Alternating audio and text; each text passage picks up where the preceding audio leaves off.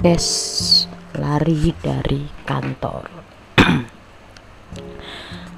well, sekarang episode pertama uh, sesuai dengan janji aku ya. Uh, kita kali ini membahas pengalaman kerja pertama. Hmm, kenapa sih kok tertarik ngebahas pengalaman kerja pertama? Ya karena aku punya alasan kuat ya. Jadi di sini uh, percaya atau enggak pengalaman kerja pertama 70% mempengaruhi karirmu ke depan. Kok bisa? Ya bisa banget sih. Karena pada dasarnya pengalaman kerja pertama itu adalah pembentukan karakter.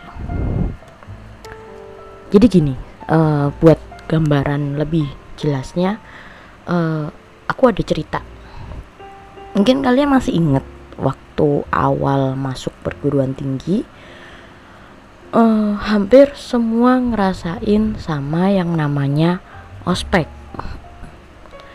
Kalian disuruh ini itu dapat tugas ini itu dari para senior mulai dari tugas aneh sampai tugas yang menuntut kemampuan berpikir out of the box Nah, biasanya sih kalau mahasiswa yang mandiri, dia bakal menyelesaikan semua tugasnya sendiri.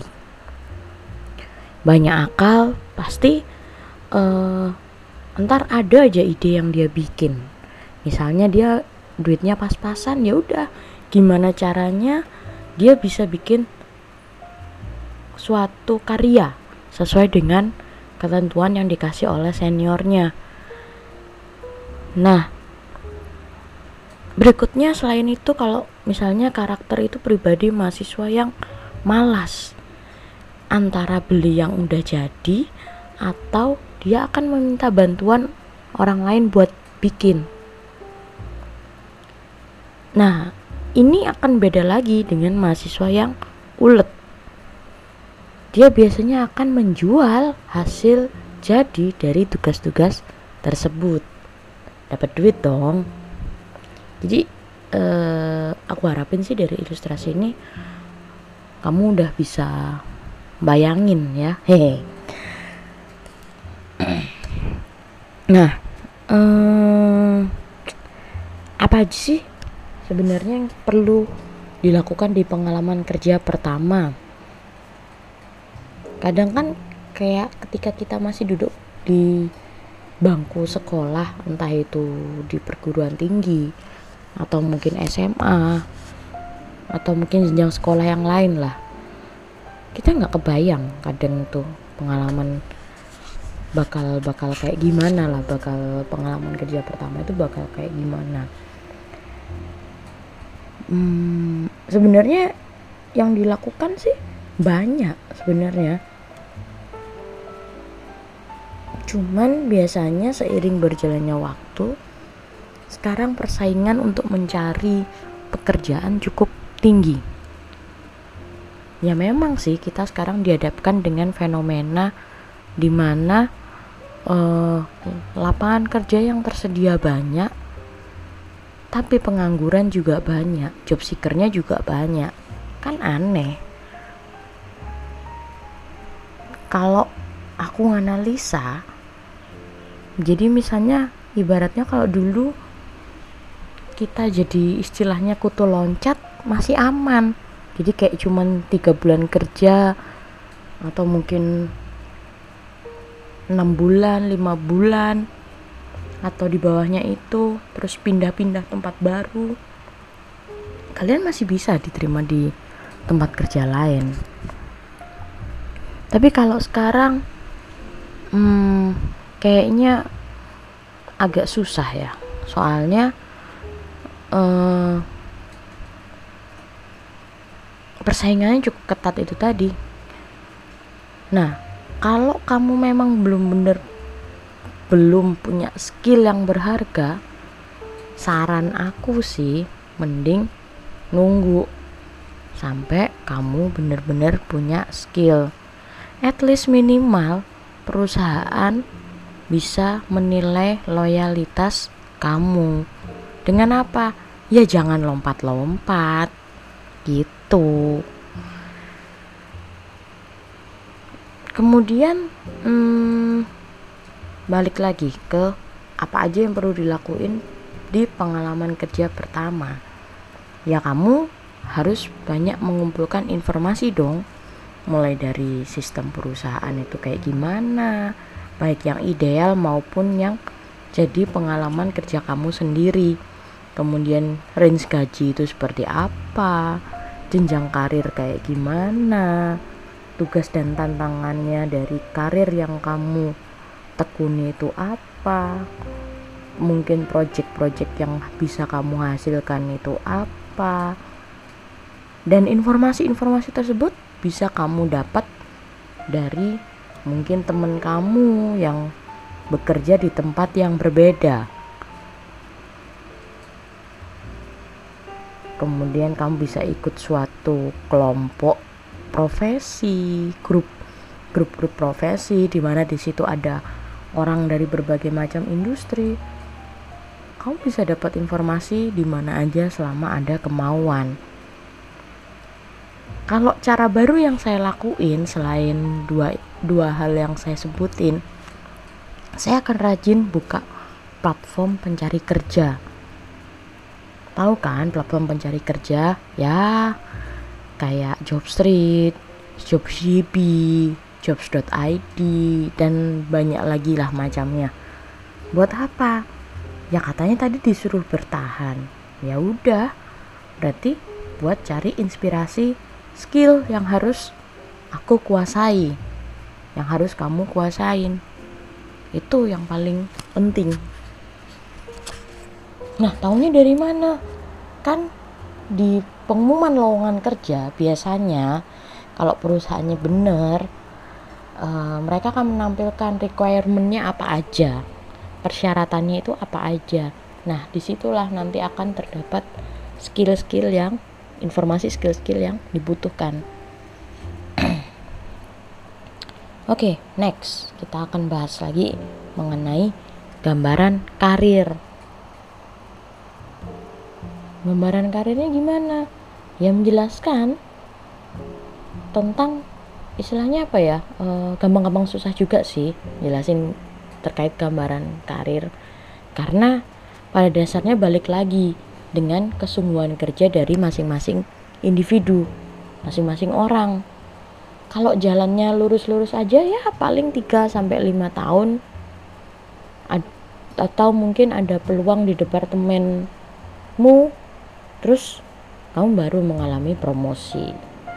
Dan hal ini juga tergantung dengan sistem di perusahaan. Seperti itu. Ada mungkin yang karirnya nggak naik tapi gajinya naik. Beda-beda. Jadi situasi dan kondisi setiap setiap jabatan itu akan berbeda-beda. Setiap karir di perusahaan akan berbeda-beda. Karena sistem di perusahaannya itu sendiri juga berbeda. Mungkin ada juga yang cuman membutuhkan kenaikan karir itu hanya membutuhkan waktu 1 sampai 2 tahun aja.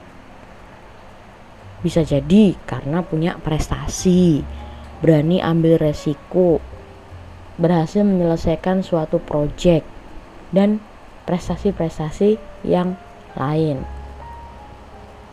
Tapi ini juga balik lagi, nggak mutlak juga. Misalnya perusahaan, kamu berada di sebuah perusahaan yang mungkin notabene terkenal sistemnya buruk misalnya. Ya mas, kamu mau nunggu sampai 1 sampai 2 tahun 3 sampai 5 tahun kamu punya prestasi banyak yang nggak bakal dapet karir yang oke okay di situ terus solusinya apa? Ya cari karir di perusahaan yang lain yang lebih jelas jenjang karirnya. Buat tahu buat tahu gambaran karir kayak gimana ya? Ya kamu bisa tanya sebenarnya ke bagian HRD mengenai peluang karir. Terus kamu juga bisa mengamati lingkungan kerja yang kamu tuju atau mungkin lingkungan kerjamu saat ini. Biasanya sih kalau proses rekrutmen saya akan melihat dari pola rekrutmennya. Saya saya akan melihat dari orang-orangnya. Apakah terlihat apa ya istilahnya terlihat kayak mereka bersemangat dalam bekerja atau tidak. Atau mungkin kelihatan juga mereka dari yang bekerja seadanya. Dan masih banyak hal lainnya sih sebenarnya yang bisa uh, kita apa istilahnya ya kalau dari segi penilaian menilai sistem dari perusahaan yang kita lamar ini oke okay apa enggak. Hmm, mungkin next saya akan ngebahas itu aku akan ngebahas tentang itu. Nggak tahu nanti bakal di episode berapa yang jelas bukan dalam waktu dekat ini. Kemudian back to the topic lagi ya. Mungkin terkait dengan karir ya. Mungkin saat ini ada kamu yang ngerasa kayak salah jurusan.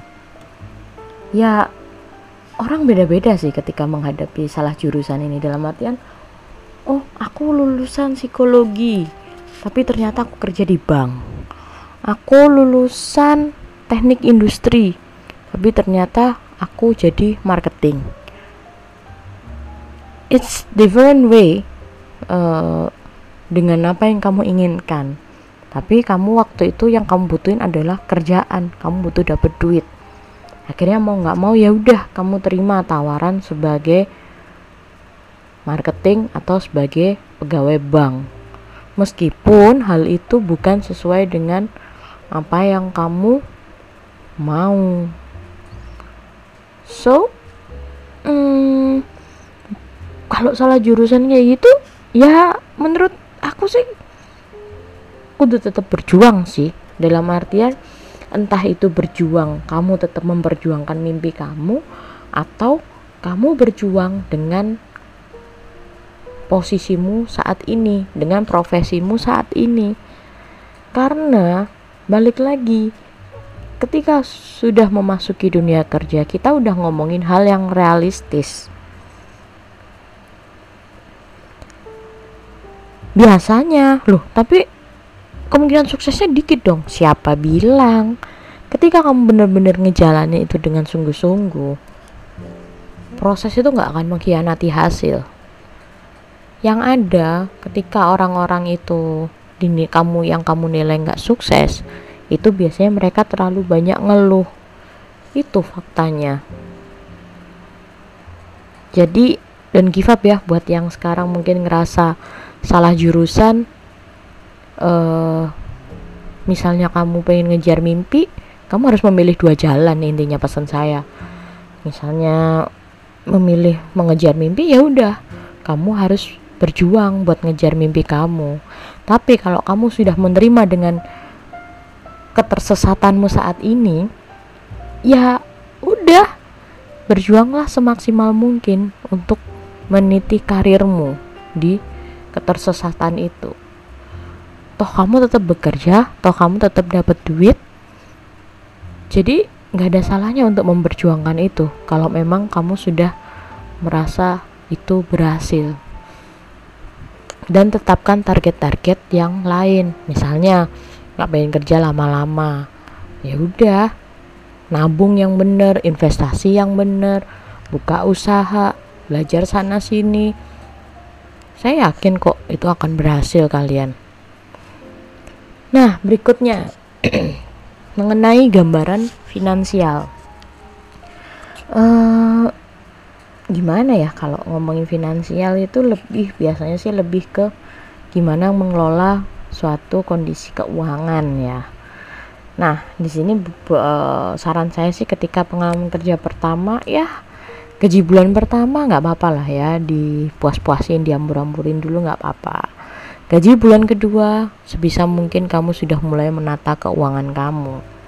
Mulai investasi bisa reksadana nabung saham atau mungkin kamu tipe konvensional ya udah nabung aja sisa sisihin 10% dari gaji. Dan banyak macam cara lainnya. Intinya yang kamu harus kamu lakukan adalah belajar keuangan. Belajar mengatur keuangannya. Kenapa sih kok perlu? Ya karena kita nggak ngerti ke depannya itu situasi kerjaan kita kayak gimana kondisi keuangan itu bakal kayak gimana. Kita lihat aja deh untuk kondisi keuangan hmm, saat ini. Kalian bisa lihat ada pandemik COVID-19 uh, di mana di situ virus sangat mematikan virus corona yang menginfeksi dengan cepat ya akhirnya berpengaruh kepada banyak usaha, banyak bisnis yang terpengaruh karena virus ini. Akhirnya banyak PHK. Nah, ketika PHK, kamu siap berapa bulan gaji? Kamu punya tabungan berapa? Kamu siap bisnis apa? Kamu punya peluang apa? Nah, hal ini yang perlu dipertimbangkan jujur kondisi saat ini sebenarnya benar-benar ngerubah perspektif saya terhadap yang namanya pekerjaan dulu saya pilih-pilih kerjaan sekarang apa pun saya terima yang penting bisa cuan yang penting bisa nambah duit seperti itu. Nah saya jujur gue mau cerita. Hmm, jadi ini pengalaman gue sendiri. Jadi aku mulai kerja itu umur 23 tahun. Jadi hitungannya sih ya 22 ya 20 22 ding. 22 tahun aku mulai kerja. Jadi hitungannya lulus kuliah wisuda itu aku langsung dapat kerjaan. Nah sekarang umur udah masuk di 30 tahun. Jujur uh, belum dapat apa-apa sih hitungannya. Cuman sepeda motor satu aja. Ya di situ aku nggak pingin teman-teman ngerasain. Karena di sini saat ini aku sendiri lagi proses untuk menata keuangan aku ya dibilangnya seret iya. Karena aku kurang bisa ngontrol keuangan kurang bisa fokus keuangan. Terlalu gegabah ketika manage bisnis. Jadi meskipun ada beberapa usaha yang aku bikin tapi tidak termanage dengan baik. Mungkin aku akan share nanti uh, gimana jatuh bangun usaha gimana usaha bareng saudara dan hmm, lain halnya terkait dengan keuangan. Nah kemudian berikutnya ketika di pengalaman kerja pertama kamu misalnya udah punya passion untuk bisnis ya setidaknya gak apa-apa kok kalau kamu udah mulai memikirkan bisnis apa peluang apa yang ingin kamu buat. Seperti yang aku bilang tadi kita nggak ngerti beberapa detik ke depan apa yang akan kita alami seperti pandemik saat ini mana mana kita menyangka bahwa pandemik ini pada akhirnya akan terjadi di Indonesia juga. Si COVID ini akan masuk di Indonesia. Nah, buat kamu yang berkeinginan untuk memulai atau membuat suatu bisnis, inilah saat yang tepat. Kamu sudah mulai melakukan investasi. Investasi itu macam-macam, nggak cuma duit. Mulai dari riset, riset hal-hal apa saja yang dibutuhkan oleh banyak orang. Nah, manfaatnya apa? Ya kamu bisa melakukan perhitungan modal, bisa ngatur strategi, kapan kamu mulai, modelnya bakal kayak apa, apa aja yang kamu butuhin. Jadi istilahnya ketika bisnismu berdiri itu akan lebih mateng.